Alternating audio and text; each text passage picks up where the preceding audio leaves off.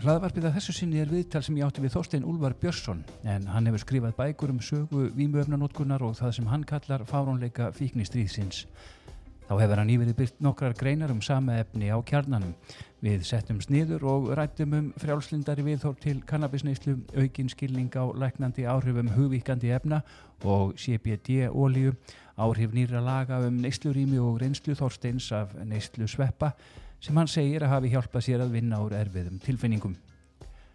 Áður en ég spila viðtali langar mig bara til að árétta að þó að í því sé talað um vímuefni á hlutlausum stundum í ákveðum nótum þá er það alls ekki ætlun mín að hvetja til neyslu slíkra efna. Sjálfur er ég samfærður um að vímuöfna neysla geti varla verið mann bætandi en að samaskapi þykist ég vita að það verði aldrei komið í vekk fyrir að mannskeppnan leitist eftir því að komast í vímu ástand til afsleppunar eða gleðiauka, til að fylla upp í tómleikatilfinningu, fá frí frá erfiðum minningum eða tilfinningum og eða bara til að svala forvitni. Sagan ætti hafa kent okkur það um mannlegt eðli.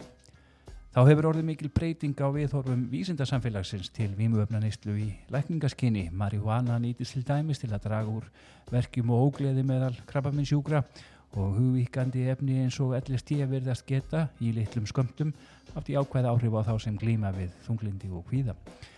Það er þess vegna að mínu mati skadlega einföldun að draga upp svart-hvíta mynd af vímuefnum og glæpavæða sum þeirra og neytendur þeirra. Það lítur að vera betra að nálgast þessa umræðu á raunsæri, heiðarleiri og mannúðleiri hátt.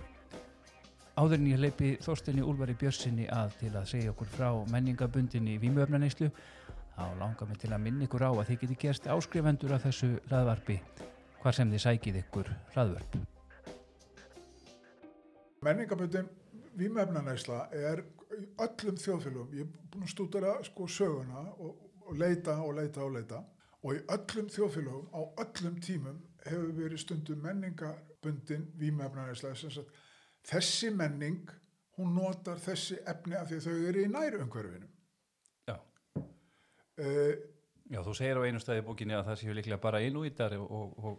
Já, það, það vex ekkert á grænlandi. En mitt, já. Sem við geta výma sem með. Já, sé kannski einu svona... Ég hef reynda veldi fyrir mér, ég veit ekkert, sko, ég hef ekkert fyrir mér í því sjóðu.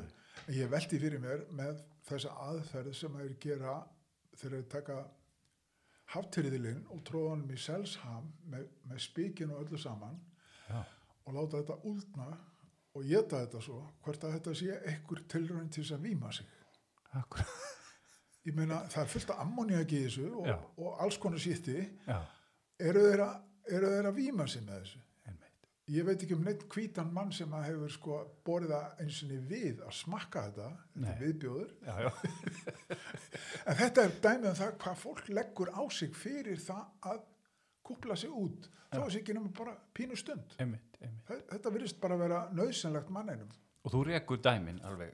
Já já, ég meina Suðrásæðar, Kava uh, Mongólia, Berserkjasveppur uh, Kymverjar Ópium veist, þetta, er, þetta er allstaðar mm. allstaðar og mér sé að sko eins langt aftur eins og neandellarsmaðurinn það hafa fundist sko fordleifar sem taka á allan vafa um það. Hann að minnstakosti var mjög meðvitaður eða meðvitaður um, um, um hérna sásöka deyfandi eiginleika mm. ópíums og notaði ópíumvalmúan til þess einmitt að deyfa sásöka mm -hmm. eða það er á, álit forlegafræðinga því það, það fundist sagt, á ílát með sagt, nú geta ég mælt allan að skoða ílát með sagt, leifum af opium í, í botninu þannig að þeir hafa verið að búa já, til einhvers konar seið já. og ég meina ok, fer sásegin ég er með gikt, prófa. Why not? Og þetta, þetta er mjög erfitt að misnóta sjáðu. Því þetta er eitthvað sem að, sko, er í náttúrinni og þú þróast mannkinnið það þróast með náttúrinni mm. í öll þessi ár. Þó náttúrinni sé náttúrulega langt á undan. Mm. Þú segir að í rauninni sé sko þessi vestrana menning, hún byggi á eh, einhver leiti á výmuöfna neyslu eða svona hugvíkandi efnum meðal annars heimsbyggin og, og, og það allt saman hérna á tímum Ford Grikja. Nei, ekki alveg svo leiðis. Heimsvegar á, á þessum tíma þegar vestrænt lífveldi Já. ja, líðræði Já. og mesta grúskan er í hjá Fordgríkjum Mhm.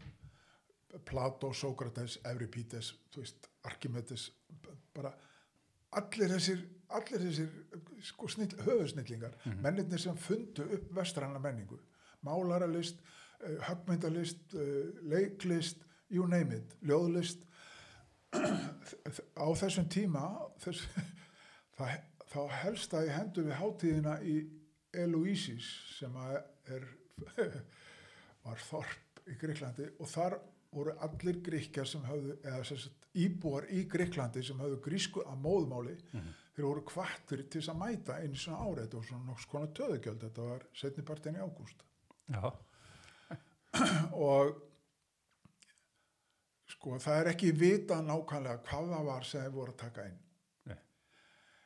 annað heldur en það að þetta var einhvers konar psychedelic, einhvers konar psychedelic efni Mhm. eh, Robert Gordon Wasson og, og Albert Hoffman og einn enn sem ég menn ekki hvað heitir Eh, hvort það var ekki Schultz Richard Evans Schultz, Schultz þeir komið með það argument að þessi sveppur sem kortrjóli Mhm. það hefði verið notað og einhver gaur fordfræðingur í í einhverju bókinu minni að hann sagði bara, þú veist, þessi gaurar þeir voru dópsalar já, já. þeir notaðu þetta og þeir seldu þetta já. Á þessari hátíð. já, og þú, sko, þú, það var skilda það var, það þetta var svona svipað eins og ok, ertu muslimi, þá út að fara til Mekka einu sinni í lífinu, nema þarna var þú út að fara á, í Eloísis einu sinni á ári Já, og það er reynslan af, af þeim sem hafa tekið til dæmis sveppi Mhm. sækadelik sveppi að þeir verðast þurfa að halda þessu við og fara í eina ferð á ári. Því það, það dopnar því að sko, heilin á okkur hann virðist virka eða vinna þannig og virka þannig að hann sækir í gamla kunnulega farið alltaf. Þannig að ef þú brýtur eitthvað upp eitthvað hugsunarmeistur í heilanum með, með svona psychedelic efnum og ferð að hugsa öðruvísi að þá bara grýpur sko heilin inn í default mode network. Það segir bara nei við ætlum að, við ætlum að hafa þetta eins og þetta var. Já, þú nefnir það í bókinni og þú tekur fullt af dæmum af svona skapandi einstaklingum í gegnum söguna sem hafa notast við fíknefni. já já. Tölvumúsin var fundin upp af, af hérna, verkfræðingi sem að var í eh, hérna, LSD tilraunum á þeim tíma í, í Kaliforníu En heldur hann því þá fram að þessi hugvíkandi efni hafi haft ykkur áhrif á þetta ferli hjá hann? hann bara, hann bara fekk hugmyndina. Svona á ég að gera þetta und, á LSD ég held að sé ekki sem neytar því í dag sko að til dæmis í Silicon Valley að þá er mikrodósað alltaf reglulega og, og yfirleitt setnabertinu fyrstum að þá er bara þá er bara að trippa saman og brainstorma Já, já, maður getur lesið marga greinar um þetta. Uh, mikið fjallað um þetta núna, þetta sé Já, já. vitingin venja í og það, sílikondalunum. það getur við þakka Pollan skal ég segja þér því að hann opnar umræðuna með þessari bók How to Change Your Mind sem verður meðsölubók Já, Það er einhver besta bók sem ég hef lesið um psychedelic efni og það eru margar kallið minn. veitir hvernig er hún gefin út? E, það er svona kannski Já, fjögur. já. Og fer hann þá yfir þetta? Hann, hann fer að kanna þetta þetta vegna þess að hann, hann er að rekast á alls konar upplýsingar sem að gerir hann forvitin. Já, Og þetta er gaur sem að sko spyr út í eitt. Hann Mhm. er alveg endalist forvitin. Þannig að hann fer bara, hann fer bara í þrjár ferðir. Hann lýsir öllum ferðunum Mhm. og svo kemur hann með á milli alls konar svona fræðilegt fræðilega atriði eins og til dæmis hann tala við við Robin Carhart Harris hjá, hjá hérna, Imperial Mhm. sem að kemur hingað einmitt í haust 20, og- hvað, er ekki 25. oktober með fyrirlestur í, hérna hjá, í Decode ok. og hann fer út um allt til þess að, leita upplýsinga tala við fólk og annað og svo lýsir hann þessum þremur ferðum sínum Með þremur ferðum þá áttu við, á, á sveppum já. Já, hann prófar sem sagt. já, já, Já, hann skoðar þetta bara, hann skoðar þetta hlutlaust og hann tek, fer í þessar þrjáferðir og hann lýsir hvað gerist Mhm. uh, hvaða áhrif það hefur og uh, hver langtíma áhrifin eru og svo bara enda bókin og, og ég menna það er svo sem engin niðurstaða. Nei. þannig séð sko. En þetta er, þetta er bók sem ég mæli alveg með, hún, sko, hún heitir How to Change Your Mind og hún gerir það. Og fannst þú þetta hjálplegt eða, eða? Já, þetta bara sko, ég, mér hefur stöku sem verið bóðið í gegnum tíðina af því að það vita allir um þetta áhuga mál mitt svona. Mér hefur verið bóðið að prófa þetta. Já, ég hef aldrei tekið það í mál. Nei, já, já, ég bara, þú veist, ég bara þorði það ekki. Nei, það er bara mjög einfalt mál. Ég meina, ég er klikkaður og ég, það er ekkert á það bætandi sjáðu. Ég meina, er ég ekki klikkaður að hafa svona áhuga mál? Já, Nema bara mjög hérna- áhugaverð saga og, og hl- eins og þú hefur sagt hluti af sögu mannsins. Já, já, Þannig, en, en hvað sér, en þú verið svona við höfum sko sannanir fyrir því að þær hafa verið notaðar að minnstakosti í 7000 ár. Og ég er að skrifa bóku um sveppi núna. Og ég er ennþá bara onni í jörðinni. Er En, en af hverju, af hverju af, þú sagðir að, hérna, rétt að, allir ættu að prófa þetta einu svona æfinni en, en, hverju, en þú allar, hefur allar ekki gera það? Jú, jú, ég er búin að prófa. Já, þú ert búin að prófa. Já, já. já, já. það, sko, Og hvernig var svo upplifin fyrir þig? hún var bara meiri háttar og það sem gerðist í framhaldinu var sko það var alveg ótrúlegt. Ég hef búin að vera þunglindur bara forever næstu því. Ég kem frá uh, kem frá svona svolítið brotnu heimili og það var tölver óregla sérstaklega á kalli föðu mínum. Mm eh, og ég veit alveg, ég, ég veit að núna ég vissi það ekki þá, eða gerði mér ekki grein fyrir því, ég veit núna af hverju það er. Eh, í fyrsta lagi þá þá hérna þá lendir hann í spönskuveikinni sex ára gamall. Já. og Kristján Læknir kemur til ekkjunar ólínu ömmu minnar og segir, sem er þarna ein að væplast með þrjú börn. Byrju, Fríða, Ella pappi og Jóhanna. Já, fjögur börn. Já. Segir við ekki hana það er nú erfitt með að bjössa litla. Þá var hann sex ára sko. Já. við verðum eiginlega líklega bara að fara með hann upp á spítala og leiða honum að deyja. Pappa þeim já. Já. og bara amma hefur bara sagt já þetta var ríðveldi þannig að pappi kanni fer það er farið með hann upp á upp á spítala á króknum sem var þá við hliðin á kirkjunni. Og eins og kallinn orðaði það, hann sagði mér þess að sögu orðin háaldraður sko, yfir, um, yfir nýrætt þegar hann var komin á, hrafnistu. Og ég var eins og kallinn sagði sko, ég var settur þarna hend upp í rúm fyrir ofan einhvern.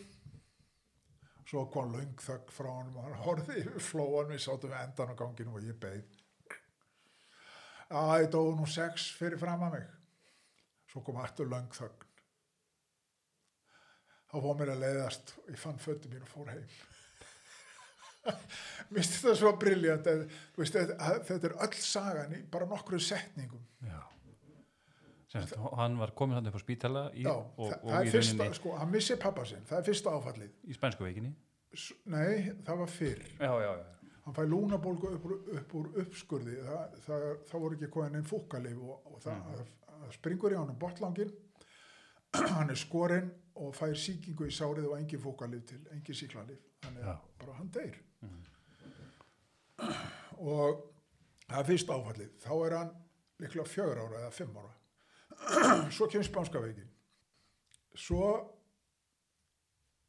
lendir hann nú í ymsum æfintyrum í uppvextinum og meðal annars sko, fer hann með síslumanns sonunum og, og fleirum. Og þeir sjá allir skaga fyrir því hálfum eiga fyrir því og austur síslunni, hún á síslunni fyrir, fyrir hérna áfengi á bannárunum og það er aldrei leitað hjá þeim, þetta voru svona síslumanns en svo fer nú að hitna undir þeim loksins og, og, og hérna þá er pabbi ganlega sendur til Hafnafjörðar Mm. og bara komið þar um borð í skip og þá var mikið atvinnleysi kreppan maður alveg og eins og kallin orðaði það einhver, einhver tíma við mig sko, sagði, sko, það var fjöldi manna atvinnulegs sem horfiði á mig labbaði um borð nýkominn á norðan.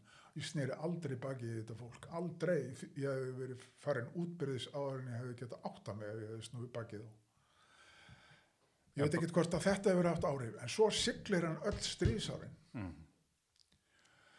og fyrir bara einskjara tilviljun er haldið, þeir fara til þeir fara til Portugal með saltfisk og fara svo náttúrulega í bæin um kvöldið og skemmta sér eðlilega Mm. why not og það er menn eru konur í glas og hann hafi rosalega rödd kannlega maður, það má hann eiga og Mm. hann, hann var alveg sko, ef hann hefði lært söng hann hefði sko hann hefði svoleiðis verið orðið heimsfrægur því að en allavega hann fer og, og tala við þá er Portugal hlutlöst og hann fer og tala verður, einhvern veginn fer, fer þetta þannig að hann fer og syngur og hann syngur áfram veginn en það er rúsnest þjóðlag. Þannig að það haldi allir að Íslendingarnir séu rússar. Já. nema barþjóðnin og svo þegar þeir eru að fara um kvöldið þá kemur barþjóðnin til þeirra og, og pikka skipstjórun út og segir það, þeir halda því séu rússar hleypið öðrum út á undan ykkur í fyrramálið. Þeir áttu að vera að fara fyrstur út úr höfninni. Já. og þeir gera það bara fyrir einhverja tilvíðun og skipið sem var á undan þeim sem var brest skip þeir eru ekki bara rétt komnir út úr hafnakjæftinu þegar koma flugular þýskar og sprengja það til anskotans hjú Akkurat. þetta er annáfalli hann lendir uh, hann gæti aldrei sko allt, öll stríðsárin þá sefur hann í, í hérna björgunavesti það er einu sinni skotið á það og það kemur flugvél og báða byssurnar og það fyrir sitt hvora megin við það sem stendur við stýrið. Já. ég menna að þetta hefur áhrif. Að og þegar hann kemur í land þá hefur hann engin önnur ráð til þess að sofa bara til þess að ná sér niður heldur hann bara að drekka sig undir borð. Þannig byrjar hans drikk Það er hans deyfilif. Og svo bara, svo er þetta orðið þannig, allavega það sem ég mann sko, að það voru svona einn og hálfu, tveir mánuðir, bara fínir, Mm þá, þá tók hann túr, kall greiði sko. Æ, hann var ágættur. hann gerði sitt besta, hann bara, hann hafði ekki tækin, hann var ofsalega lokaður og mjög tilfinninganæmur. Já. og svo er hann alin uppi þetta þú átt aldrei að sína veikleika. Nei, nei. þú átt aldrei að gera þetta og aldrei að gera það, hann er alin upp sagt, ekki, ekki, ekki í staðin fyrir gerðu, gerðu, gerðu Mm Þannig að, og þetta er það sem hann kemur áfram til mín og þetta er það sem ég hef sjálfsagt verið að koma áfram til minna barna En þetta er eitthvað sem þú áttar þig á þe- þegar þú Já, ert ég sjálfur er orðin alltaf náðu fullorðin. sig núna. Já. að ég, af því að ég er búin að fara í svona ég, það bara, það opnaðist bara bóstælega allt og ég hef ekki fundið fyrir þunglindi síðan. Ekki til. Og annað sem að mér finnst merkilegast af öllu ég á iPad einn af fyrstu iPadunum sem kom með hérna. Mm og í því er eh, svona eh, eitthvað skákforrið sem reytar mann og sko, ég- var heimaskýðsmátt ég var mátaður í svona 12 til 15 átján leikjum eitthvað svoleið sko, og var með 242 elostig og tölvan með sko CPU, já það er örgjörun var með um, um þúsund. Svo er ég einhvern tímann sko þremur þremur mánuðum eftir að ég fór í svempaferðina og er ég að veipa út í bílskur sé- allt í hennu þetta hérna, íkon á borðinu fyrir skákina. Mm. já, langt séð ég spila þetta. Klikka á, rústa hann í áttalegjum máta hana, heimaskýtsmát og ég bara heyrði þetta er eitthvað flúk sko. Þannig ég fer fyrir aðra skák og það er Já. alveg sama hvað ég spilaði og spilaði við helvits vélina og ég rústaði henni alltaf. Uh, sko, það sem ég var lengst með það voru 24 leikir ef ég maður rétt og þegar ég fyrir að teka elóstíðin þá er ég komin sko vel yfir 1000 elóstíð En um, undir hvaða kringumstæðum gerður þetta sem sagt, þú tekur sveppi? Nei, ég meina hvernig uh, þú veist, varstu ykkur venduð umhverfi? já, já, ég, já. Ég, já, já ég, ég, þetta var alvöru sko, þetta var ekki svona serimónia í einhverjum sumabústað út á landi hérna með fullt af öðru fólki sem er basically náttúrulega lítið annað og meira heldur en bara fullt af fólki að trippa saman sjáðu. Já, Það er ekki það sama þó að sé fallegar fallegar aðdafnir og, og allt það Já. þá er það ekki það sama eins og þegar þú, þú ferð í dag í undibúning með professional mannesku og það er professional manneska með þér þegar þú ert á, á hérna, í ferðinni og svo er sko, tveggja tíma, rúmlega tveggja tíma spjall daginn eftir til, svona, til þess að átta sig á. Og svo er þremmum mánuðin setna þá var í gegnum Skype já. Þannig að þess þessi fyllt til þess eftir. að vinna úr þessu. já, En hvað, hvað upplifir þú? Hvað, hvað sérðu? Hvað, hvað gerist? það sem gerðist var sko ég bara leik og ég er með, með er með róandi músík og ég er með teppi yfir mér því að maður fær svona maður fær svona svolítið kulda tilfinningu í, í brjósthólið Mm. og sérst, ég er með, með svona sveppgrímu yfir augunum þannig að ég sé ekki neitt. Ég, ég, ég hef bara hausin á mér, ekkert annað. Uh, jú, náttúrulega ég hef, hef her, her, hernina áreiti það og bara allt í einu þá bara er ég stattur í einhverju landslægi og ég sé svona ofsalega fallan fjallgarð og snó sem sagt, snæfi þaktir tindar. Og þetta var svona eins og maður getur ímyndað sér kanadíslandslag ofsalega allt ofsalega tært. Engin mengun og ekkert bara veist, þessi, þessi blái blái litur á himninum og, og blái litur á fjöllunum og hvíti liturinn á snjónum og allt þetta. Og ég bara já, bara orðlaus yfir, yfir þessu og samkvæmt því sem að byrtan var myndi ég segja að þetta hefði verið svona um það byrjum tveim tímum fyrir sólalag eitthvað svo leis, nú veit ég ekki hvað þetta var norðanlega eða neitt en, en það var svona, sko, byrtan var orðið svona pínlítið heit. Það var ekki svona köld eins og hún er um miðandaginn næsta sem ég veit er að bara ég er stattur í einhverju turnherbyggi í svona turn í einhverjum kastala og það er ofsalega fínt mönstur bæða veggjum á gólfi og ringstíði niður og ég vissi það, ég þurfti að fara niður og maður á að gera það. Ef, er, ef maður sér hurð á seppu, mann man er ráðlagt að fyrirfram ef þú sér hurð opnaði hana og farði í gegn. Sjáðu hvað er hinum megin. Hmm. uh, ef þú stendur frammi fyrir ófresku farðu þá bara að helsa þenni bara feysaði það vegna þess að þetta er bara í hausnum á þér og það getur ekkert gerst. Og það þú ert á þessum tíma, á þessum tíma að taka meðvitað ákvörðun um að já, já, þú, ert ekki, þú ert ekki stjórnlaus. nei, nei, nei, nei, nei, nei. Hugsun er ekki Nei, nei, nei, nei, nei. stjórnlaus. Sko það sem, að, það sem að gerist er að samkvæmt þessum MRI myndum sem að get, hefur ekki séð þær frá Imperial Nei. Kalli minn, elsku kalli minn Nú skal ég bara sína þær Þú semst að leita myndum sem að sína mér hvað?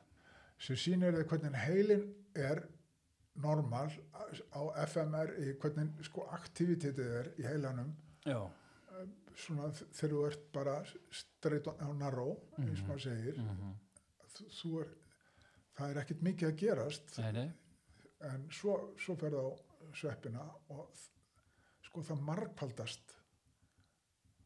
Og þetta er í- þegar ég sá þessa mynd fyrst þá bara er ekki að, hérna er þetta.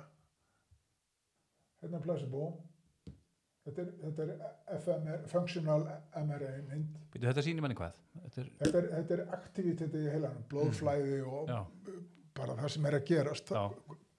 þetta er á sílusípin þú ert að, þú ert að nota sko, mörgu sinni fleiri brautir. Mm ok, og svo kemur að þessari og ég þarf að fara niður stiga nei, og þú fennir stiga, já og ég veit ekkert hvað ég á að stiga niður. Mm þá, þá fattaði ég alltaf heyrðu byttu þetta bara í hausna og ég get stigið hvar sem er það gerist ekkert. Og þá er ég stattur fyrir utan og þar, þar er einhver runni og, og svo var eitthvað landsla, landslag og svo fór ég að hugsa um Greta Thunberg og umhverfismál og allan anskotan sko, þetta var bara já, og, og, og og, og lífið bara in general og hvernig maður, hvað maður er mikill vittlýsingur En Þetta ekki, var svona, mjög- eins, ekki eins og bara þú hugsar, maður hugsar um það dagstæðlega hvað maður er mikill villisingur. Þetta er, þetta er öðruvísi hugsun. sem- Já, þú ert ekki, sko, það annað sem gerðist og ég áttaði með á því þarna að maður er alltaf að setja ómikið, sko, importans á hlutin. Mm Einhver segir eitthvað og hann segir það pínlítið vittlust. Já, já. Man, líkar ekki tónnin og það er allt innu, já, heyrðu, hún líkar illa við mig eða, þú veist, eitthvað svona. Þetta er bara ekkert svona. Fólk er bara misjamt og svo vott. Maður tekur hlutin allt og alvarlega. Þetta, hvað, hvaða langt síðan það var? Eða, þetta er ekki, þetta, fyrst þú nefnir þetta Gretu þá þetta, var, þetta ekkit, þetta var 2019. ok, þannig að þetta er frekar nýlega. Já. Og þarna ferða að hugsa um pappaðinn. meðal annars og svo Já. bara sko hvert einasta kvöld eftir að ég, var komin heim þá fór ég að sko, ég fer alltaf út í að því að ég er ennþá að- veipa hérna skal ég segja þér mitt uppáhald fíbutóbak Já. sem, sem heitir Sundays Fantasy. Og mér finnst mér finnst það bara sko sérstök nöytt að, að hérna að veipa píputóbak. Mm eða, eða þetta tóbak. Og sita út í, sk- út í skúr af því það, það er svolítið vondlíkt eða þess að, já, sömum finnst það konunni minni finnst það vondlíkt að þannig að ég, ég bara s- sit þar og, og í mínu skoti og, og, og hérna með iPadin eða, eða laptopin og, og hérna og hugsa og pæli og leik mér og skrifa eða whatever. Já. og það sem að gerðist sko á eftir var ég fór bóstalega í gegnum lífið sko, kvöld eftir kvöld þá tók ég sko eitthvað, kom eitthvað upp í hugan sem að ég þurfti að vinna úr og bara þú veist, já ok, það var svona ég gæti ekkert gert í því Já. og það er alls konar svona alls konar hang-up sem ég hafði sko sem að hafa ábyggilega gert með óþólandi ég er náttúrulega óþólandi hvort þið er en sko, Eitthvað sem þú varst að búin að bæla eða svona, Nei, bara þú veist maður getur alltaf orðið betri Ma, maður maður einhvern veginn að ég veit ekki, maður bara ég skil Óla Stef alveg mjög vel núna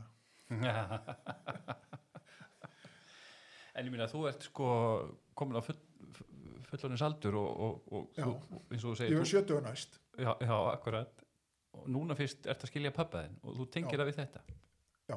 pappaðinn sem, sem ég hefði ekkert hugsað þetta sko, nema bara fyrir þetta já, og eitthvað sem þú áttir erfitt með að svona díla við eða eiga við og og, og, og, og þú farið eitthvað svona skilning á þessu í tengslum við þessa? Já, já, þetta Ég- fer, ferðalag. já ég, ég sé ég sko, maður sér allt lífið í bara nýju ljósi í öðru ljósi. Mm. og þessi bók sko, fáránleiki fíknistrísi sem ég held að sé mín besta bók hún hún er skrifuð sem sagt að verulegu leiti eftir, eftir þessa reynslu sem ég hefði ekki viljað missa svo er ég reyndar að gera eina núna sem ég ætla að reyna að koma út núna í óttúber En bara því ég nefndi þetta, þetta með sveppina sko, og tegund af sveppin, þú sko, hvers konar sveppir, sveppir voru þetta sem þú nýtir þarna? þetta er sama og allir eru að nota sílósipi sem er landsjata sem að heiti trjónubæla eða nú kannski verið kúpensis í þessu tilfelli Og hvað er það? Þetta er bara, bara litlir fallegi sveppir og ekkert mjög spes á bræði. Þeir verður sjóst ágættir ef maður eldað og steikti það í smjöri. Já. Já, já. Nei, að því ég var að segja, nefna þetta með, eins og maður segja, sko, sveppi og umferðaregjum. Þú sko, ég myndi nú ekki tína þar ef ég ætlaði að vera að tína nei, er sveppi. það ekki einhver önnur eindrun eða eitthvað sem að, Sko sveppir eru, þeir, eru, þeir taka til eftir okkur og þeir drekka í sér blímengurinn já, ég er, ég er að segja það, sko. Já, já, þeir gera það. Já, já. og tjöruna og allt þetta. Þeir, þeir, sko, það eru sveppir sem brjóta niður sittin sem við skiljum eftir. Það er ekki, engin annar sem gerir það. Mitt. og það, sveppir er eina lífurann á, á jörðinu sem við vitum um sem getur beinleins geti grjót Já. þannig að þú segir grjót haldur kæfti við svepp þá er hann bara mjög ánæður og fæði sér bita maður getur sem beðið spenntur eftir þessari bók frá þér sem að, en, en, en, en Já, sko, ef ég kemst upp á jörðinni, ég er ennþá bara onni í jörðinni sko. Já, já. Það, það er svo magna líf sem er þar af sveppum og alls konar örverum já, já, já. vissur það að það sem stígur niður Já. í, í hérna gamlum og grónum skógi Já. það eru 800 mílur af sveppa þráðum undir fóts, hverju fótspor sem stígur niður Nei, þetta Nei, er þetta vissir ekki margt sem maður veit ekki. Nei, já, Heyrðu- akkurat Heyrðu, en þú sagðir það að þessi sveppi sem allir eru að taka. Hva, hvaða, hvaða þróun er í gangi? Hvað er, eru, er þetta vinsælt núna? Já, mér skilst það Já. að það sé bara þó nokkur hópur sko sem að Og allskins fólk og, Já, allskins fólk úr, úr, úr, öllum stjættum og, og sko það sem að bókinans Pollans gerði var það að hún opnaði umræðina og umræðan hefur náttúrulega bara verið algjörlega fyrir norðan sko. en meiri séðan sko á Netflix eru, það liggur við að sko að þeir séu bara slefandi yfir sækadelik hérna að tala um sækadelik byltingu og ég veit ekki hvað og hvað og Já, Gwyneth. Paltrow komin á vagnin og og þeir eru með hérna þátt núna um sko það er nú sem matrislu þættir endalausu sko nú komin einn tegundin það sem er uh, vinna mat með kannabis Já, já, cooking with cannabis. já, Já, já. Ég smakkaði svolítið eins og þegar ég var í myndlist á handjaskólunum fyrir hvað, 40 árum. já, já, Svona Alice B. B. Douglas Brownies. Það var já. ævintýralegt. Ja, þetta er alls konar oljur og já, allt, Já, hitt og þetta sem við nota sko Já, En- skilst, skilst það, þetta sé, hafi orðið mikið framþróun, sé bara veip, seldir svona veippennar í útlandum, það sem þetta er löglegt. já, já, já. þannig að hérna og það er þetta ayaska sem er líka uh, talsvert í umræðinu núna, maður heyrir Já, því fleikt að það séu eitthvað konar já, ég held að ég myndi alveg bara gefa því frí, af því að bara, já, mér skilst að það sé tölvöld mikið ælustand sem fylgir því og ég bara, mér finnst vond að guppa og, og bara svo ástæða ein. Já. þó ég sé mjög forvitin sko. Eh, þetta er náttúrulega já, en er þetta ekki bara eitthvað, eitthvað tísku fyrirbreyði eða hva, hvað? Þetta er náttúrulega búið að vera notað í þúsundir ára þarna söður frá sko. Já, það þarf með minnstakosti 7000 ár. Akkurat þannig að þetta var eins vitlust og getur orðið það sem ég var að segja hérna. Og jaguarinn notar þetta. Það já, er spurning sko lærðu menn af jaguarnum að drepa hvernig gerir hann það? hann bara getur löfið af bannusteri Já, já. kappi Já, já. Þetta er eins og nefndi með apana, menn uppgötuðu kaffið með, hérna, nei, voru það geitur, geitur. Geitur sem að já, borðuðu, það eru mjög stafjúrugar já, segir sagan segir sagan, já, já, og þá föttuðu menn að, að nýta kaffið. já, akkur eru geiturna svona fjörugar sko Já, En svo bara var aldinni, það er pínlítið eitrað sko, fólk le- líður ábyggilega mjög illa að því að geta þannig að það, Mm svo var einhverjum sem dætti að taka fræðin innan úr -hmm. og rista þau, mala þau og hellu upp á Og úr varð úrvar kaffi, þriðji vinsalasti drikkur, já, í heimi, Í heimi. Er bara vatn og tea sem það er vinsala. já, einmitt, einmitt. En já, þú nefnir þessa bók, sko, og líka þetta með, þarna, uh, þetta sem maður heyrir með sílikondalinn, að það sé þessar smáskamta lækningar og þetta sé jafnvel verið, sko, og þú segir það sjálfur að þetta hafi áhrif á þunglindi, Já, já, ég hef ekki fundið fyrir þunglítið síðan og var búin að, þú veist, vera á heldur þá, lifi í 17 ár. já, og heldur það að, hérna, það sé að opnast, minna, þetta, það verður að rannsaka þetta núna, hvernig, hver áhrifin eru. Já, já, þetta, þetta, þetta á að gagnast við þunglítið. Ég, það getur vel verið að ég sé bara svona trúaðar á það, það sé þessna. Já, já, En þá, ef, ef þá er þannig bara gott, eins, eins og einhver sagði, sko, placebo er besta líf í heimi og líka minn sjálfur er besti læknirinn. Einmi, já, já. já, já. En heldur þú þá að sé að verða eitthvað breyting á þessu? Ef að, eins og við, seg, við sjáum núna, það eru sem sagt svona fólk af öllum stjættum og, og gerðum að nýta sér þetta og, og, og þessir hópar eins og í Síligundalum sem eru svona efsta lagið af samfélaginu í bandaríkjunum einhvern veginn, ríkasta fólkið mörguleiti. Jú, Erum við þá að fara að gangi gegnum einhvers konar menningarlega, menningarlega shift. já, Það gæti alveg verið, sko, ég, þó ég sé nú ekki byrjins trúaðar á það, en en, en það er allt hugsanlegt uh, Já. við stöndum náttúrulega frammi fyrir mjög slæmum aðstæður núna með, út af COVID já, þannig að það er spurning ætlum við bara að starta bílum aftur og fara að keira áfram sömu leiðu eða ætlum við að fara á einhverju öðru ferðtæki og einhverju aðra átt já. hvernig tengir þetta saman? Ég, sko við við, við getum sko þeir myndi pólitíkur sem myndi geta haga sér eins og þeir haga sér ef þeir hefði allir drippað sko. Ég held að það sé alveg út til okkar já, já, þannig að það er kannski lausnin á stjórnmála já ástandinu bara þeir sem fara í Trump hafi aldrei stjórnmál Trump- eru þeir sem að myndu aldrei drippa hvort sem er. Já, það meinar. Að það vanti ykkur á ísýni Já, Umburðarlyndi. ég held þetta sé bara já, ég veit það ekki. Sko það sem ég hef sagt með sekadelika efnin er að þetta eiga eftir að verða alveg rosalega öflug verkværi í handunum á heilbreyðistarsfólki sérstaklega sálfræðingum Já, og sennilega geðlæknum líka. Mm. gallin bara sérst, munurinn á sálfræðingum og geðlæknum er það að sálfræðingar noti ekki lif þeir, þeir, bara tala við þig og þú læknar þig sjálfur. Já, líka meinu besti læknirinn. Já, geðlæknar segja já ok, það er þetta sem er aðeins já það er til lifi því og svo ráðast á einkennin og, og gefa þig lif að þetta er það sem að þetta lif sem ég var að taka í 17 ár sko hugsaði að vera áskrifanda lifi og það er allt ónýtt. Ef ég missi úr einn dag þá þarf ég að byrja upp á nýtt.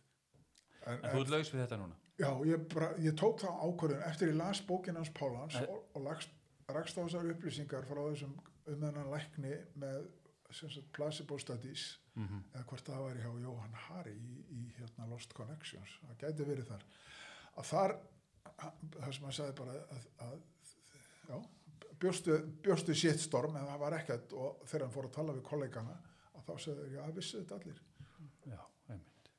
Gagslöst en, En, nú, en nú erum við ekki, en nú erum við bara svo það sé sagt, við erum ekki að tala um öll uh, þunglindisliv Nei, nei, nei, nei, bara þetta lyf sem Já, að- já, sum þunglindisliv virka vel og, og hérna hafa jákvæð áhrif á já, já, á fólk. já, mikið ósköp já, já. Þannig að við erum nú ekki að hvetja fólk til þess að hætta, hætta almennt á þunglindislifi Nei, nei, en það er allt í lagi fyrir fólk að minnst að kosta að lesa seðilin sem fylgir með, með í sambandi við aukaverkanir og hvað er í þessum Já, liðum já, og googla pínulítið. Það, það myndi ekki gera neinu mannislegt. Nei, nei, nei. Eh, Heyrðu, en að því að förum nú aftur yfir þetta, við vorum svona byrjar að fara yfir söguna Mhm. og uh, þú sagðir okkur frá hérna uh, hátíðinni sem að gríkinir heldu Já, í LSU-ís. Já. Síðan kemur uh, kirkjan og hefur það áhrif að, að stoppa þetta bara af. Nei, það, það, voru, það, voru, hérna, það voru kristnir munkar sem komu með Alarik sem var frá Norður-Európu, mikill her, herfóringi Já. og hann braut gríkið undir sig. Já, og þegar þeir sáu sko, býtu, heyrðu, hvað er þessi fjandast gríkir að gera? Þeir halda þeir séu Guð. Já, þeir eru að tala við Guð á einhverjum, einhverjum samkomum, bara heyrðu við erum að stoppa þetta, það er bara, það páið í Róm. Já. hann hefur enga rétt á að tala við Guð og prestar og prelátar þeir eru svona milligöngumenn á milli. Það bara, þannig að þetta er bara bara niður með hörku. Já, og hvað gerist þegar spánverið að koma til Suður Ameríku þeir ganga svoleiðis fram, hjá, fram, sagt, fram að þeir, þeir bæla niður allt sem að heitir sveppir og, og, og banisteriósis kapi og, Mm. og, allt, allt, þetta, allt þetta sem að sko innfætti voru að nota og búin að nota gegnum söguna í þúsundir ára já, þetta er bara bara niður með hörku og þetta bara glemtist og það er ekki fyrir 57 sjáðu sem að þetta kemur upp á yfirborðið hérna á Vesturlönd þetta var bara, þetta var bara fjall í dá. Já þessi, þessi hérna hugvíkandi efni eða, já, eða, þetta var bara farið með eða hvað ég var að kalla þetta. sækadelíska efni. Já, já, já, já. kalla ég það allavega. Já. Og, og, og kirkjan lætur sér duga messuvínið. Það er í sterkasta sem að, sem að hérna, áhrifaríkasta sem að kirkjan býður upp á. já, það, það versta sem að sko, mannskefna getur sett honi sig. Já, sko það eru tvö af þeim vímuefnum sem að sko mannskefna notar og hefur notað í gegnum tíðina eru tvö sem að ráðast á allan líkamann nákvæmlega jafnt. Ekki bara á hugan eins og flest efni gera heldur á, á allan líkamann. Hár, tennur þú veist, you name it það er sama hvar. Mm. það er tóbak og áfengi. Já. þessi efni tvö þau, þau skemma allt sem þau koma, koma nálægt. Mm. og hvað, hvernig virkar til dæmis áfengi? Hvað er það fyrsta sem áfengi gerir? Það fyrsta sem áfengi gerir er það að það tekur úr, úr sambandi st- stjórnstöði heilan sem var stjórna dómgrind já, já, ekki fyrir að kirkjan vildi blessa áfengið. Hafa þetta lið dómgrinda laust þá trúur það Guð. Eða kirkjuna er réttar að sagt. Já, já, já, já, akkurat en hérna, já, já og, og ég meina kirkjan, það, þú rekur það í þinni bók hérna með sögunum það hvernig sko kirkjan eh, bannar kaffið en, en svo er það sko já, svo er Clement gott. Páfi sem, sem að lísti kaffi sem sagt kristindrykk Já. árið, árið 1600 Já.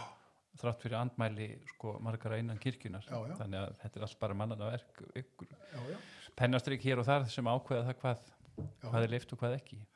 Sjáðu setna heimstyrjöldina all þýska þjóðinu sett á metamfentamin Já. pervitín öll, eh, voru það ekki bara hermennir eða svona þeir sko þeir fengu, fengu sko, það var bara staðalbúnaðar hjá þeim en, en þjóðin var kvött til að nota metamfetamin af því að það var ódýrara heldur en kaffi.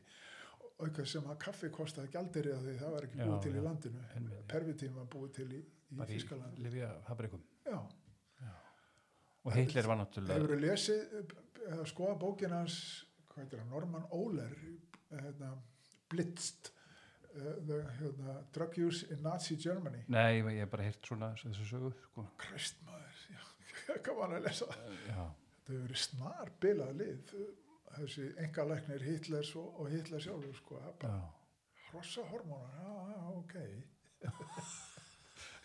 hann spröytaði með hrossa hormónum bóstælega daglega Hi- Hitler? Hitler, já, af, af Dr. Morell átt að gera Hitler svo gott. Já, já, svo hefði hann blönda af sko, hinu, sko kokteila af kókaini og, og amfetamini og veist, you name it þetta er bara, já, þannig að það þarf maður ekki að undrast það að maðurinn hafi verið orðin verulega geðbilaður. Nei er, ég held að það var náttúrulega líklega alltaf skrítinn en, en, en orðin verulega geðbilaður undir, undir það síðasta? Þú, já, já, þú, og sko það sem að verra er að það sko þú verður svo paranoid það er allir, allir óvinir þínir. Já, já, þetta var alltaf lægi ef, að- ef að þetta væri eins og maður lesum að MDMA er að allir verða bara já. en þetta er þetta er orðið bara náttúrulega sem hafa neitt eða hafa beitt uh, fíknefnum í, eða örfandi efnum í, strí, í hernaði. Öllum stríðum.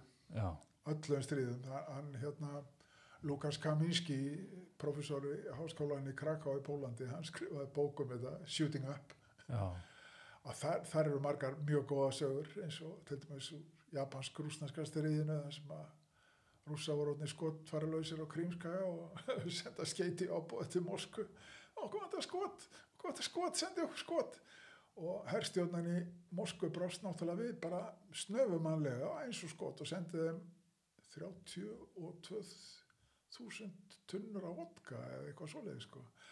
Þannig að, að veist, en enga Það- það var- þetta var alveg óhemmjumagn sem þeir fengur samt og það, það, það tiltekur heimild þarna sem að hann rekur Kaminski í þessari bók að, að japanskur herflokkur sem lappar fram á rúsneskan herflokk Mhm. sem var svo ofurölvi að þeir gátt ekki eins og varið sig og japanarnir þeir drápuð á alla með byssustingjónum og það var ekki einasta skoti hleyft af allar kúlur sparaðar. Já, þannig að áfengi fylgir öllu. Já, já, eða, eða lif fylgir öllu. Já, já, já, og í síðar í heimstöldinni minna bandamenn voru líka á örfandi efnum í, amfetamin og vikingarnir hérna e- eina tíð, hvað heldur þeir hafi notað? þeir var náttúrulega að nota mjöð. Já, og svo náttúrulega segir sagan Besserkjasveppi en það við höfum ekki sannanir fyrir því. Ég allavega hef ég hvergi reykist á neitt sem að sanna það en þetta var notað í, í Rúslandi og, og, og eh, dæmi um stað sem ég sá það sem var sítir að out of season þá var, var Besserkjasveppurinn hann var í svo eh, háu verði að það var, það var borga úlvalda fyrir, fyrir drikkið. já, já, já. um, sko, svo er það uh, hérna kannabis efnin. Uh, það verða hérna svo ég aftur vísi í bókina þeina sem er mjög fróðleg og, og bækunnar ég nú bara lesið, lesið eina þeirra. Uh, hérna þar fjallar um það svona hvernig afstæðan til kannabis breytist. Já, uh, í bandaríkjanum svona á fyrir hluta 20. aldar þá, þá eru svona sett lækna samtök og fleiri sem gera skýslu sem að sjá svo sem ekkit aðtöðavert við nótkun kannabis nei, nei, telja það ekki skadlega á nokkurn haft nei, nei. en það er einhver aðrir hagsmunni sem ráða för Já, það eru þarna ákveðni líkil menn í bandarísku þjóðfélagi. Andrew Mellon var einn, Mhm. uh, DuPont annar uh, og það voru ykkur fleiri þarna, gott að Rockefeller var ekki líka. En sko á þessum tíma þá kemur DuPont með plastið. Já, og það uh, og Mellon á mikla skóa í, í, í hérna norður norður, uh, í Kanada held ég. Mm og þannig að hagsmennir eru allt um kring og kemur ekki Henry Ford með Henry Ford's hemp that grows from the ground. Já, allt úr hampi sem hægt var að úr hampi reyndar að nú li- ma- ég held að það sé nú einhver fleiri tegundir af, af plöntum í sagt yfirbyggingunni ekki Já, bara, bara hampur en, en hamptrefjar eru lengstu náttúrulegu trefjar sem fyrirfinnast. Mm og mjög verðmættar sem slíkar ég skil ekki þetta með að að banna að rekta hamp hér það er bara sem erum búið að leifa núna er búið að það já, loksins, sem betur fyrir sko þessar, þessar trefjar þær eru, þær eru svo dýrar að sko, þetta er næstu því eins og ólíja þetta er svo dýrt. Mm. og sko þeir bara þeir vilja selja stál og þeir vilja selja nælon og þeir vilja selja eldsneiti Mm Henry Ford gengur gegn þessu öllu. Með Já. hampa áklæði, hann er með bíl og hampi og hann gengur fyrir hampa já, já, þetta er græðastrákar þannig að það er bara það er bara að fara að setja lög. Bara, Eh, Mellon var einmitt á ég held að hann hefði verið ennþá á þingi þá. Hann var ráð þeirra á einhver viðskiptar á þeirra, já, og einn af efnustu mönnum bandaríkjana hann hérna tengdist líka áliðinaðinum í bandaríkjanum og, og var frægur fyrir það að nýta sér innherja upplýsingar og annað til þess að efnast enn frekar í, Já, á meðan hann var viðskiptar á þeirra tengdi pappi Harry Anslingers já, hann endaði, endaði sem sko uh, í hálfgerður í útlegð í, eins og var kallað, útlegð í London. En það var nú það náttúrulega- er útlega það. Var alltaf þægilega útlega því hann var gerður bandaríkjana, sendiherra bandaríkjana í, í London. En, en það svona átti yfir höfði sér rannsóknir og, og jafnvel ákerur en, en allavega, já, já, þetta er hérna maður sem að nýtti, nýtti aðstöðu sína. En, eh, en þetta er náttúrulega líka það að uh, uh, þetta hafi líka með minnihlutahópa að gera. Til dæmis, þú nefnir uh, kýmverjana sem er fluttu inn til þess að vinna í, Járnbrautir, leggja járn- járnbrautirnar. til að leggja jábröðir Já. Me Mexikanana í söðuríkjónum Já. landbú, landbúnaða verka fólk. Og svo náttúrulega líka uh, svertingjar já, já, sem að öll, öll svona hugvíkandi efni sem að þessir hópar notuðu eða, eða líf til þess að til afslöpunar sko. Þetta var ekki, áfengi var ekki fyrsta val í þessu fólki. En, en þeirra efni urðu voru alltaf bönnuð. Það er, þetta er bara sko, þetta, er bara sóðaleg saga. Já. og, og sínum manni bara að það sem að peningar eru annars vegar þar eru allir sem trúar. Já, og það eru í rauninni peningar sem að ráða því að það, það, það, lítið niður á þetta og, og þetta er gert þetta er jáðarsett og, og, og svo bara stanslaus áróður. Mm, og þ- ég las einhvern tíman þó nokkuð þykka bók um eh, það sem einhver blaðamaður hafi farið í saumana á þessu allir þessum sögum eh, ekki bara um kannabis heldur um bara ímislegt annað líka. Mhm. maður bara hristi hausinn og fólk bara gleipir þetta. Og maður sér þetta sérstaklega til dæmis í kommentakerfunum bara í dag í umræðinni hér á Facebook. Bara, er ekki að djóka? Mér það virðist aldrei vera neitt millivegur. Nei. og þetta kristallast mjög vel í þessari umræði núna minnstu kosti á þeim, þeim veggjum sem ég sé umræðin um, um Guðna og Guðmund Franklín þetta er bara veist, það er engi millivegur. Nei, nei, nei, nei, akkurat.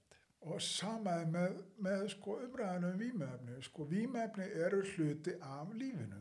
Hvernig hvernig hérna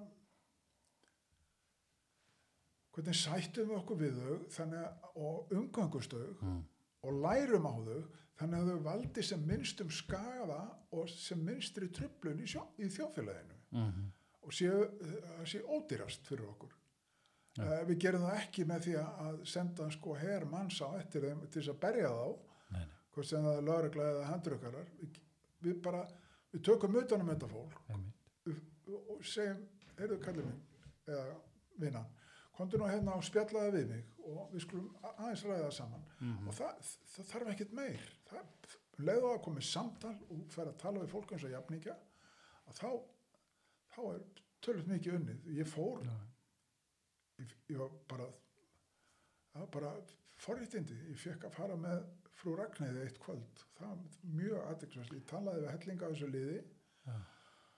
Þú ert að tala þá um hérna um. Þjónustu rauð okkur sinns já, skjólstæðinga frú Ragnæðar Mhm. og, og sko, ég gæti ekki þetta var svo ljúft fólk Já, já, og margt að því bara sko, bráðvelgefið og jafnvel sk- sko skart. Mm það var einn af öllum þessum fjölda sem ég sá þarna kvöldi sem var svona eins og snúður róði hund. Allir hinni voru bara mm. svona næs fólk sko þannig að það að jaðarsetja þetta og komið veg fyrir að einhver smáhísi fyrir, fyrir þrjá Mm. komið þarna í stórhauðana sem er ekki nema fyrirtæki í kring Mm. bara maður hristir hausinu við svona sko. Þú nefnir töluna að það sé sko af öllum þeim sem að prófa fíknefni á lífsleiðinni sem Já. er mjög stór hluti okkar, okkar allra já, 90% já, já, en þú segir að 10% lendi vandræðum af þessum 90% Já. Já.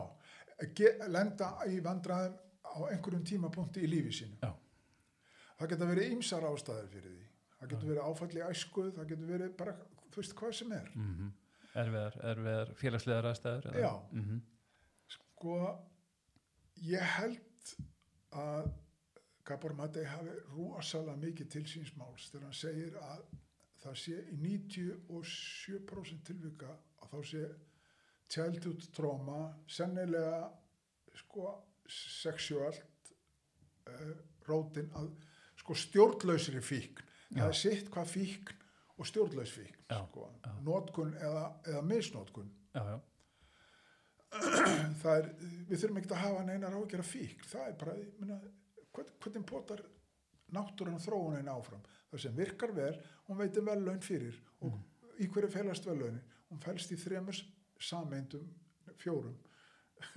Það er eina ánæðar sem að maður finnur. Það eru fjóra sameindir sem að valda því. Það er dopamin, oxytocin uh, serotonin og endor, endorfin Mhm. sko, bara þessar fjóra sameindir búa til það sem heitir ánægja fyrir okkur. Mhm. og þannig að ef eitthvað virka vel og náttúrun er líst þokkalega á það þá velur hún, okkur með því að gefa okkur þessi efni. Og þetta er það sem við erum að fykta við með því að nota já, við erum að stýta okkur leið. uh, náttúran refsar fyrir, fyrir það sem ekki er eins gott og þau, þau hérna, svo refsing getur verið ja, frekar hörð þegar ég er endaði dauðastundum já, já, já, en þe- þetta er bara hluti af því sem við erum. Vi, já. Við erum fíklar, við erum öll fíklar. Hvað hva, er það, er ég fíkil ef ég klóra mér, er, er ég fíkil ef ég tek uh, ef ég drekk kaffi? Já, ég er fíkil, ég er fíkil á kaffi. já, já. maður verður fíkill á sigur maður verður fíkill á hitt og þetta. Já. Það er aðteklisverð ég sá fyrir mör- mörgum árum, ég held ég að byrja þessa mynd einhverstaðar að því mér fannst það svo góð að, það, að kaffi og kókain það er lýsa upp nákvæmlega sömu ánægjustöðvar í heilanum. Mhm. á nákvæmlega sama hátt nema að sigurinn gerir það pínlítið öflugar. Já, já, það sk- skærar í myndin. Það er aldrei magna sjáðu þegar þú hugsaður út í það. En það, sko, þú sérð einhvern sem að er sko, eins og maður segir stoned to the gills á kóki og þú sérð ekki að þessi gaur sé undir áhrifum. Nei. þetta er bara akkurat. live and soul of the party sko. já, já, já, já. Er hann á kóki, já, nei, hann er örgla á amfetamin, nei, hann er bara svona fjöruður, ég meina, what's the diff? Já, já. já, en hérna að því vorum að tala þarna áðan um sko hvernig minnilhutu hópanir hefði lendið í þessu í bandaríkjónum og hvernig svona barátan gegn fíknefnum hefði oft yfirleitt tengst einhvern veginn þeirra neysluháttum það er alltaf fróðlegt að lesa hérna það sem þú skrifar um sko þennan anslinger sem var þessi fyrsti þú handvarpar hann er hann er hérna ekki, ekki geðugu náungi hann er fyrsti, sagt stýrir fyrstu stopnun í bandaríkjunum sem Já. að berst gegn, ofinbæri stopnun sem berst gegn uh, fíknefnum og hvernig hann kom fram við sko Billie Holiday Já. og svo samanbori við það hvernig hann kom fram við Joseph McCarthy hérna Já. uh, kommunista veiðaran sem að Já, vinur hans, vinur hans já, og hann hérna hann í rauninni rekur Billie Holiday hálfpartin í dauðan já, já, hún deyri handjátn við rúmið af skipun einslingars og hún hafði ekkert gert hún, já, já, hún hafði ekkert gert neitt annað af sér heldur en bara að ánýtjast vímöfnum og hefði náttúrulega þurft bara læknisaðstóð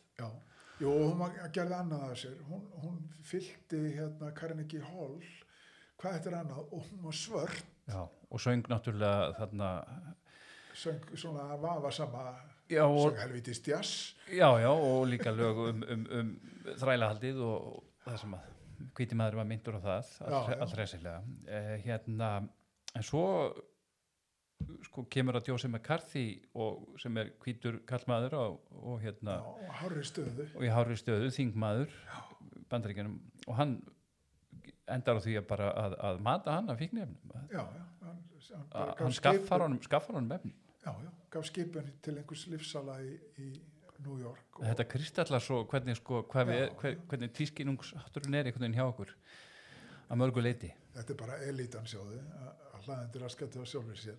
Ég get nefnt er dæmi hérðan uh, fyrir nákvæmlega uh, 60 og tveimur árum. Já, þegar ég var 17 ára gammal Mhm. þá var ég að þá var ég að læra á bíl. Eins og ungum mennu var títt á þeim tíma. Og sá sem kendi mér var Finnbói Sigursson heitinn sem að var lörglþjótt nummer 13 og afar stoltur á starfinu. Mm.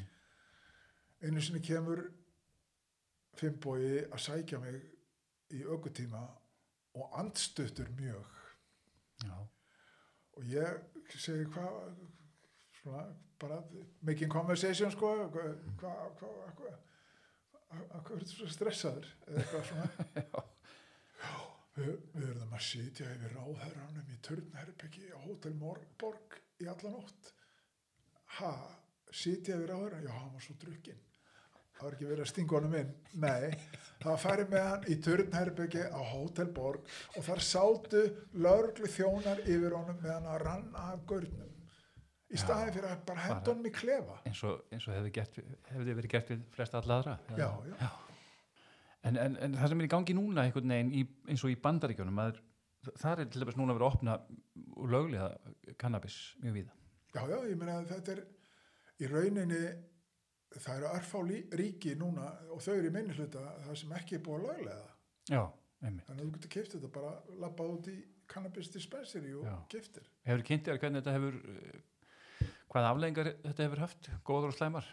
Ég- það sem ég hef rekist á eh, nei, í rauninni ekki, ég hef ekkert stúderað að sjá þau en, en ég, ég, auðvitað hef maður rekist á upplýsingar í þessu grúski sko Mm. og þetta virðist bara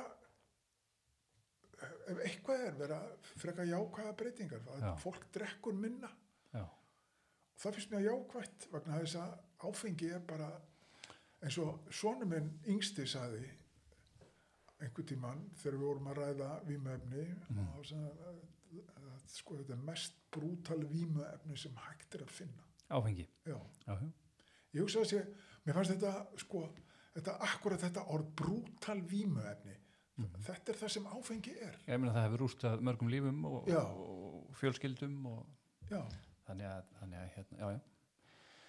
En einhver hluta vegna hefur það valist til þess að vera löglegt á meðan hinn er ólögleg. En hérna, það er hefðin og Portugal, Portugal fór líka þá leið að löglega, eða semst að Já, það- afglæpa væða allt saman já, öll eiturlif. já, Þannig að það er, engin eiturlif það er bara til vímöfni Já, við, já fyrir ekki.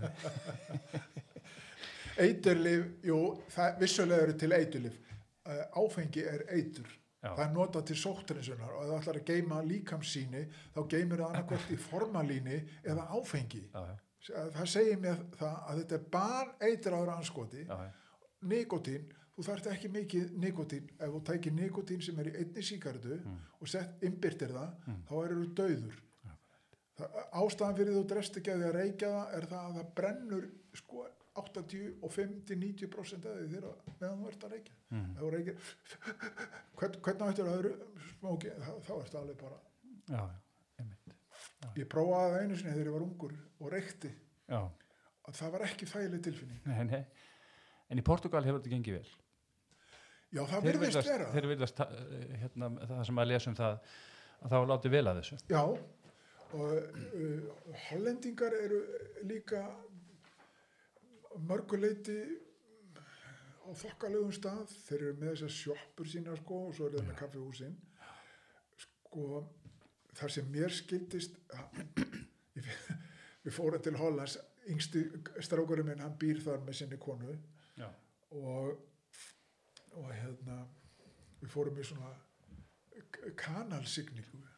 Ég eh, kom til Hollands tvisar sinum áður og, og kann vel við mig í þetta afslöpu borg Mhm. eina, skipt, eina skipti sem ég sé lörglu þjóna stoppa mann sem var að keira öfugt einstefni östu skötu og þeir hlóðu bara á hann og bent honum á hvert hann ætti að fara, það ger ekki neitt meir. Og ég stefði mér, bara heyrðu hvað er að þessu gurum, þeir voru alveg sko í kenga hlátri já, já.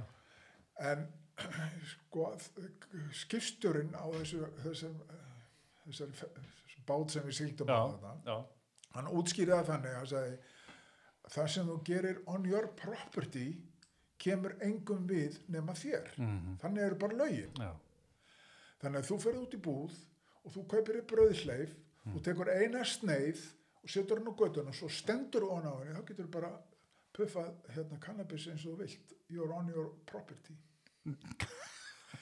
Þetta er sko Já, já. þannig er hægt að túlka lögin. Já, já, já. Sjáðu, þetta er loophole. Já, já, já, þannig, mér finnst þetta mjög sniðut sko. Já. og, Og ég þetta- sé ekki að, að það ætti sko eh, þú pælir í því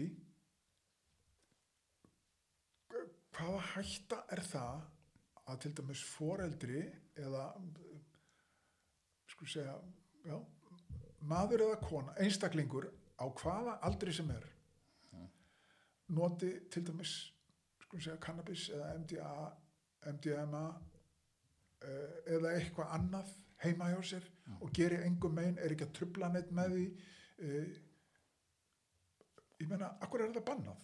Akkur er bannað fyrir mig að rækta blóm? Sumi getur sagt að þetta getur leitt til uh, andlera kvilla, eða ekki? Getur, getur se- sett á stað Já, einhvers það er konar, bara ekki rétt. Það er bara ekki rétt. Nei.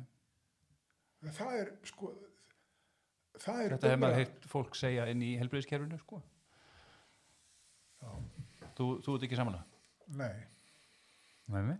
Ég er búin að, sko, eins og ég segi, ég er búin að stúta þetta síðan 78, svona af einhverju alvöru, Já. búin að byrja svona grúska aðeins fyrr, Mm. því að ég er bara nörd eðlinu og, og svona grúskari. Mhm. Sko, það er ekkert af þessu beinlinis hættulegt nema karfentanil. Mhm. Það er virkilega hættulegt að þú tekur sveig fram hjá því. Þú vilt ekki helst verið í sama herbyggja og það. Sko, ef þú- snertir það með fingugumi, Mhm. það getur verið bannvænt. Það er tíu þúsund sinnum sterkara heldur en morfín. Til hvers? Já, með tveimur milligrammum. Það þarf ekki meir. Þá drepur fjóra tonna fíl. Já, já, já. eða sæll, ég ætla, að fá svoleiðis. En þú kaupir þetta vantanlega ekki eða fólk lendur í því að eða hvað, prófa að googla Ha. Carfentanil China Já, já, og þú finnur fullt af síðum sem að, í Kína sem er að bjóða þetta. Ég gerði svona tilraun. Þegar ég var að skrifa fáránleiki fíknistrísins ég gerði svona tilraun, ég, ég googlaði Carfentanil in China og ég fekk fullt af síðum. Og ég fór inn á tværi þeirra og annari síðan þá buðust þetta til þess að dulbúa sendinguna og, og tók það fram að hundarnir fyndi ekki líkt að því vegna þess að það væri öðruvísi líkt að því heldur. já. Það er nefnilega það. Og þetta er eitthvað sem er stóra hættulegt Já, Já sko, Þannig að, þú veist, eh, fíkniefni er ekki saman. Þetta er, það er líka kannski alltaf þessi einfældun í umræðinu sem við erum svolítið, sem Já, er svolítið og- hættulega að það sé. og, og fyrsta, sko, fyrsta vímaefni eru hluti af því sem við erum samkvæmt mínu skilningi Já, Akkuru lærum við þá ekki að nota þau? Ég meina, þú setur ekki uh, ungmenni við stýrið á bíl Mm. öðruvísi heldur en að kenna honum á bílinn og sérstaklega hvernig hann á að bremsa. Já, já. Þannig að sko, í hérna einna bókunum mínu þá segi frá því þegar pappigalli hann gaf mér vasanýf já, ég byrja bókina því, það já, ég held að sé dóp, nótkun eða misnótkun.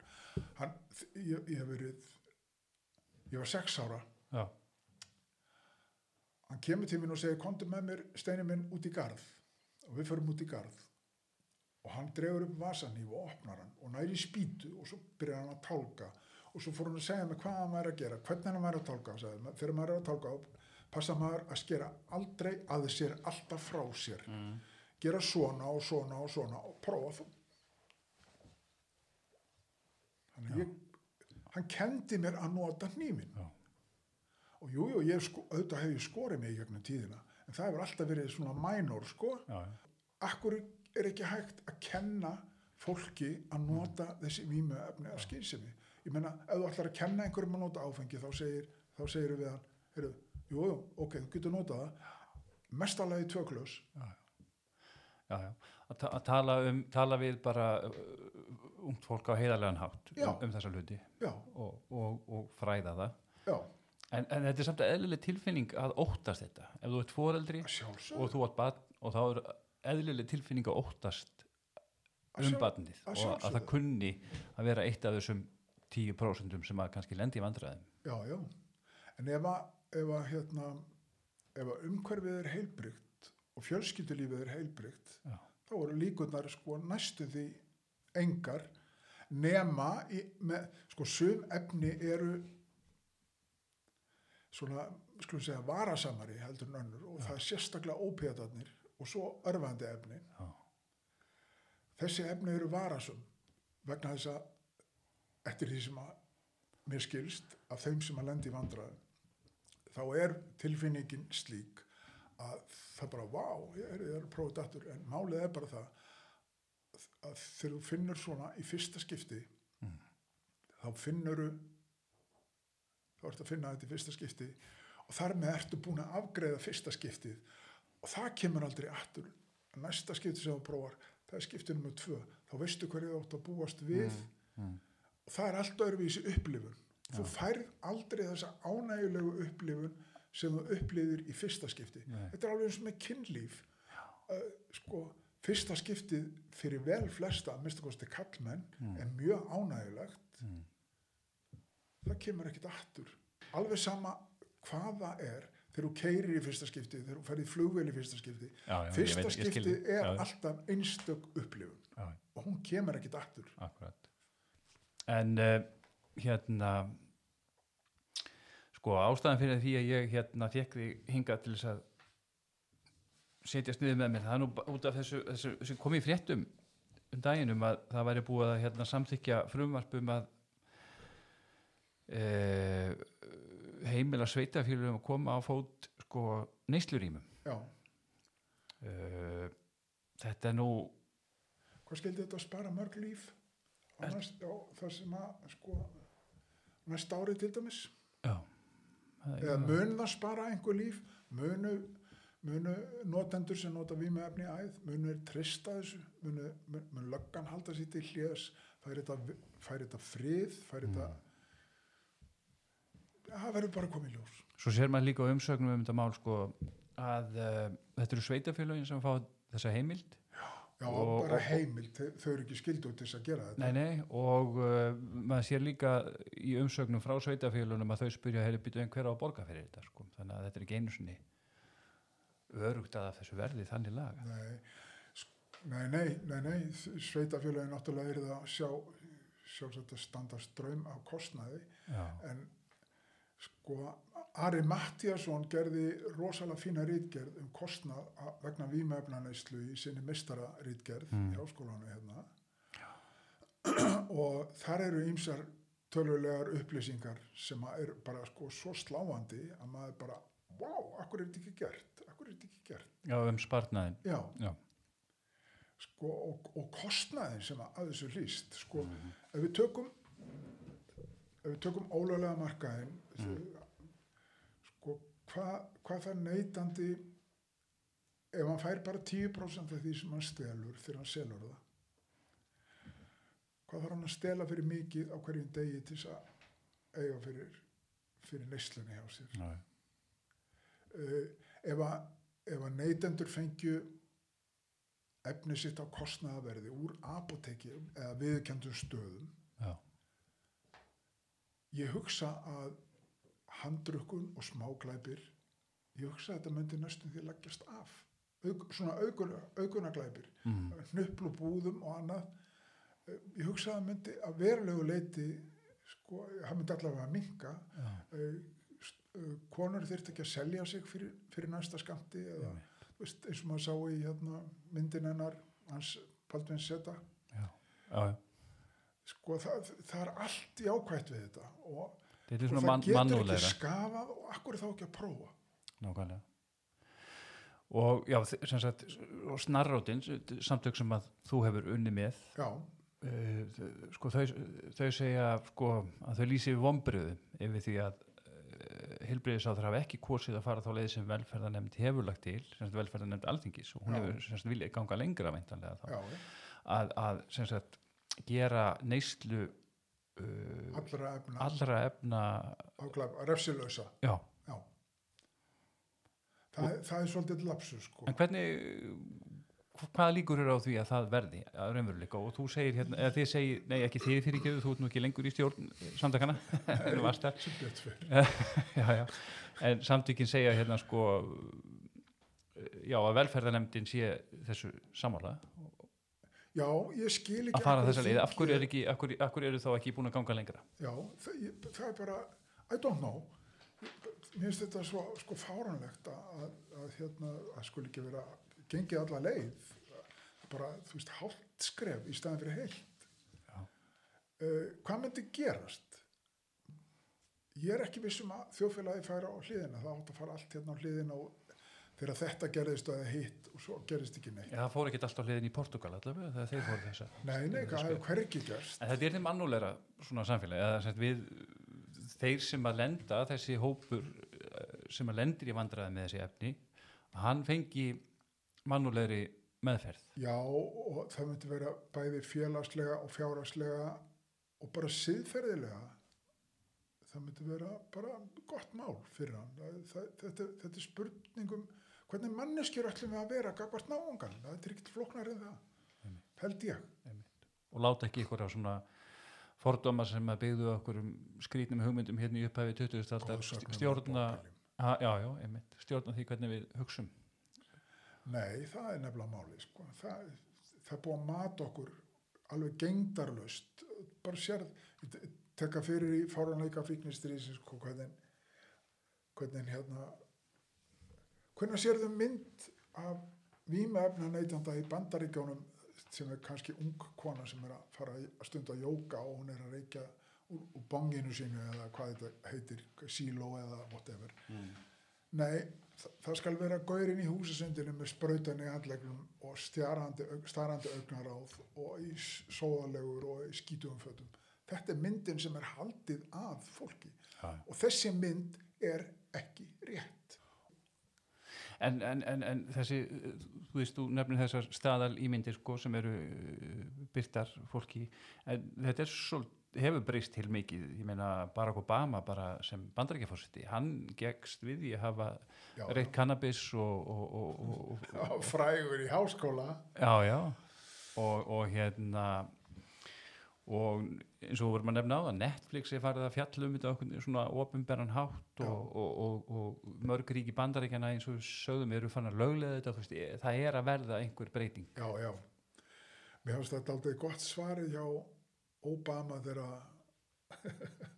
það var einhver blaðmaður sem spurði hann eins og sko Clinton Did you inhale? Obama sagði alveg um Yeah, that was the point. En, en Clinton sagðist ekki hafa dreigð að sk- hann hafði, hann hefði bara tekið það í munnin og, blásið því frá sér sko, ekki bara kjafta því. já, já, sjálfsögðu, en svona, þú veist, já, já, en svona breytist við honum bara fáum árum að, að, að fósitin gat, gengist við því að hafa, Já, já, já. Neitt- Það er neitt þessara þetta efna. mörgum fylgjum, þannig að já, já. why not? Já, já. En heldur þetta sé að ég hef ná að skoða eitthvað sko, kannanir sem hafa verið gerðar og mér sýnist meiri hluti í almennings uh, vera á mótfallin þessu hér. Já, Það verðist ekki breytast. nei. Hvers vegna heldur það sé að bara ekki aðgengi að upplýsingum það, ég held að sé ekkit flóknar en það Fó- fólk sko það, það hefur bara bábiljurnar og, og, og góðsagnirnar sem að hafa verið sko, í gegnum árin hamra á fólki og maður sér þetta meiri sér sko hjá, hjá vísindafólki læknum sem að er að halda fram sko fylingri fyrru að maður nennir ekki eins og að eldast við það En, hérna, en ég rakst nú á grein að því að við vorum að tala um viðhorfi hérna heima til, til þessara mála þá rakst ég hér á grein á veða víkur frétta þar sem að uh, framkvæmdastjóri í fyrirtæki, held ég, sæmilega stóri fyrirtæki Suðum í sjó, hann skrifa sko um atvinnuleysi á Suðunisjum og hann döður langar að kaupa kerskála í Helguvík og breyta þeim í gróðurhús, engin venjuleg gróðurhús, heldur gróðurhús sérsniðin til ræktunar á kannabis. Já, Þannig að þetta menn er að leifa sér að tala svona í dag sem, Já, já. sem að hefði ekki gerst, Já, eh, gerst fyrir nokkrum mánu síðan. Sko ég fekk núna bara á Já. föstudaginn dætt inn í bústinu hérna bref frá kunninga mínum Pálma á, í Gautavík á, í Berufyrði Mhm. með sko nokkur fræ af hverju afbrigði sem hann er að rekta af yðnarhampi og ég setti þetta náttúrulega strax í spýrun í bolt já, út í gróðskála og þetta er allt komið upp meira og minna og ég ætla að hafa þetta bara í fjórum pottum í gróðskálan eða mér í, í sömar já. Verður lögreglega nokkuð mætt þá þegar Já, hún hún heyrði getur þetta? bara komið ef hún veit, já, hún er guð velkomin. Ég er með, fleiri plöntur sem eru aðteglisverðar, þannig að ég er með til dæmis statúru sem að er sko, já, planta sem að engin með, fullu viti myndi nota, sko, Nei, sem, að flokkast sem deliriant. Hún, hún gerir þig í rauninni geðveikan, hún tekur þig alveg úr sambandi já, já. Og þetta er eitthvað sem að leikur þér ekki að. En, en af hverju rækta með svo lýsblöndu? hún er bara alveg gullfalleg, Já, bara alveg sérstaklega falleg. fa- blaðstór og falleg blöð og svona hangandi, drjúpandi hvíta klukkur sem að mynda svona munstur með að bara, þeir eru svo trompetar sem eru krumpaðir, alveg bara meiri áttar. Já. Ég reikna með að væri nú, ef að maður reyndi þá getur maður nú sjóst fengið eitthvað úr valmúana sem ég með í garðin. en mér er aldrei dottið það í hug. Ég reyndi það einhvern tíman þegar ég var ungur að, að, að, að hérna prófa svona að taka bara úr venjulegri tyrkjasól. Já, en það eina sem ég hafði upp úr því það var hausverkur. Þannig að það var akkurat öfugt. Já, er það maður fer inn á þarna vef issue issuu.com og svo Þorsteinn uh, Úlfar TH Þorsteinn Úlfar. Að þá sér maður að þú, þú byrti þar bækur eftir þig, fjöldan allan af bókum. Já. þar með þrjárum þess eða fleiri en þrjáleiklega um þessi efni um vímuefni og, og, og, og þetta sérkennilega fíknefnastríð eða vímuefnastríð sem að stjórnvöld við um lönd hafa staðið í við eh, gegn eigin fólki gegn tíðina en eh, hvernig stendur á því að þú, þú, hérna, þú byrtur nú, það eru fleiri bækur hérna heldur en bara um þetta, þú gefur líka út bækur með myndlist þín eigin myndlist og, og, og líkum garðirkju. Já, Hvað, hvað, hvað drýfur því áfram í, í þessari bókaútgáfu? Hvað, hvað, dug, dugnaður er þetta? Já. Og, og áhugi? áhugin er náttúrulega bara sko ég, ég fekk áhuga 70, ég var svona aðeins byrjaður að svona leggja á minni það sem að ég rakst á en 78 á kaupið bók eftir Carlos Castaneda. Og s- sem er bandarísku mannfræðingur hann dáið núna reyndar fyrir nokkrum árum. Og það sem hann lýsir kynnum sínum við sjaman í, í sennilega nýju Mexiko það kemur aldrei almennilega fram maður veit ekkert nákvæmlega hvað hann er. Og ég var alveg gjössanlega dólfallið, mér fannst þetta svo merkilegt. Já.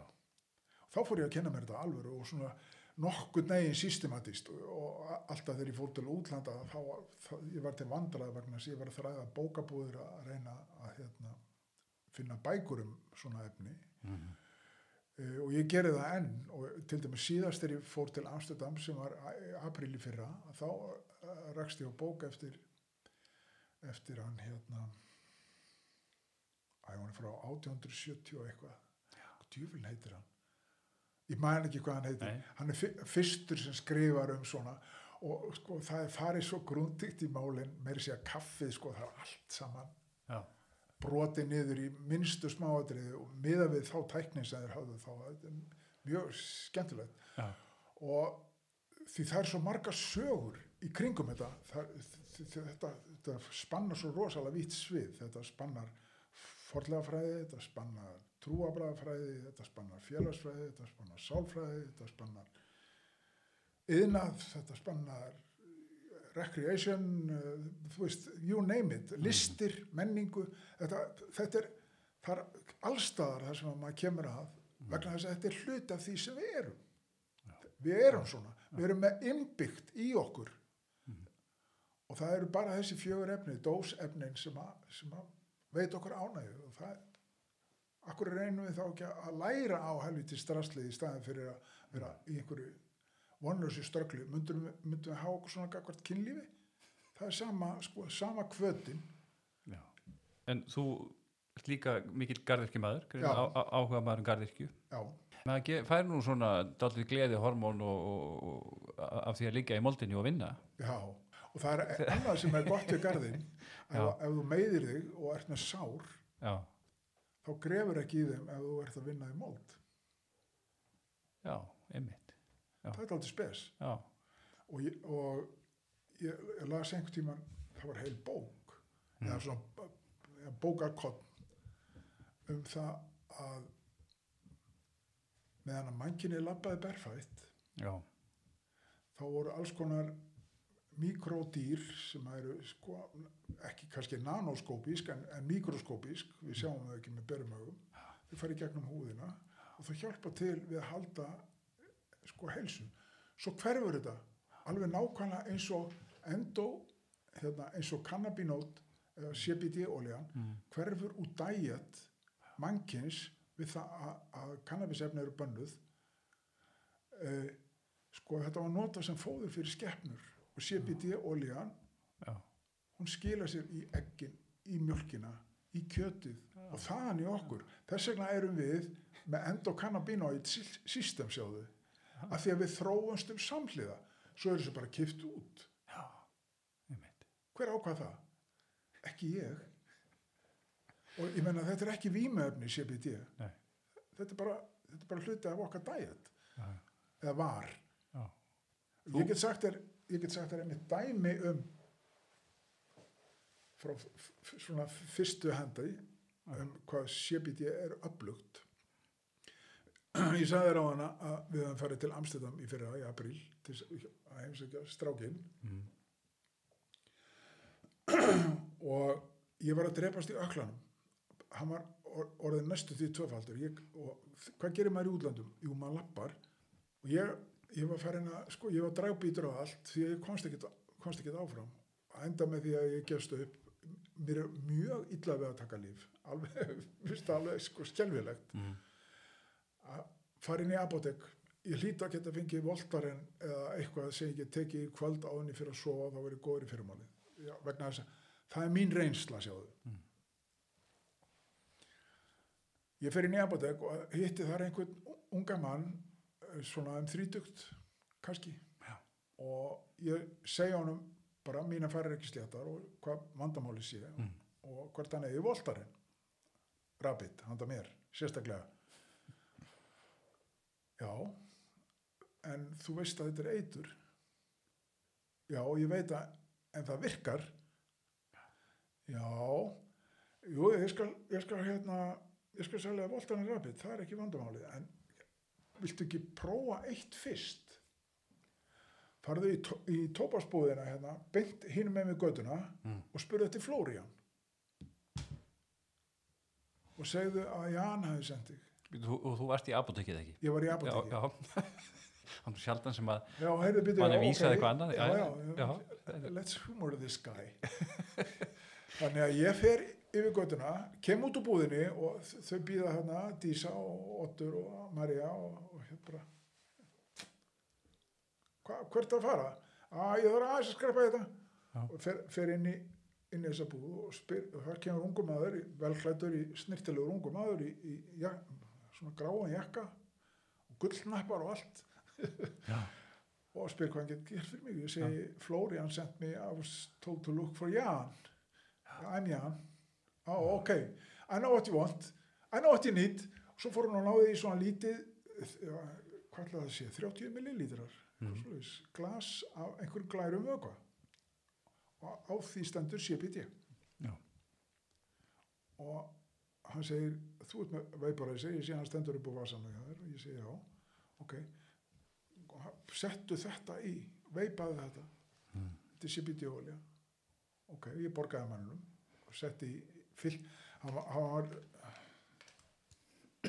já, það var meiri í honum hann hefur verið svona cirka hálfur. Já, og ég fyllt hann já, upp. Svo fyrir ég út á búðinu og veipa alveg reynd eins og mér sé borga fyrir það. Það tók 20 sekundur að virka. Bara Og verkurinn verk, fór. verka stillandi.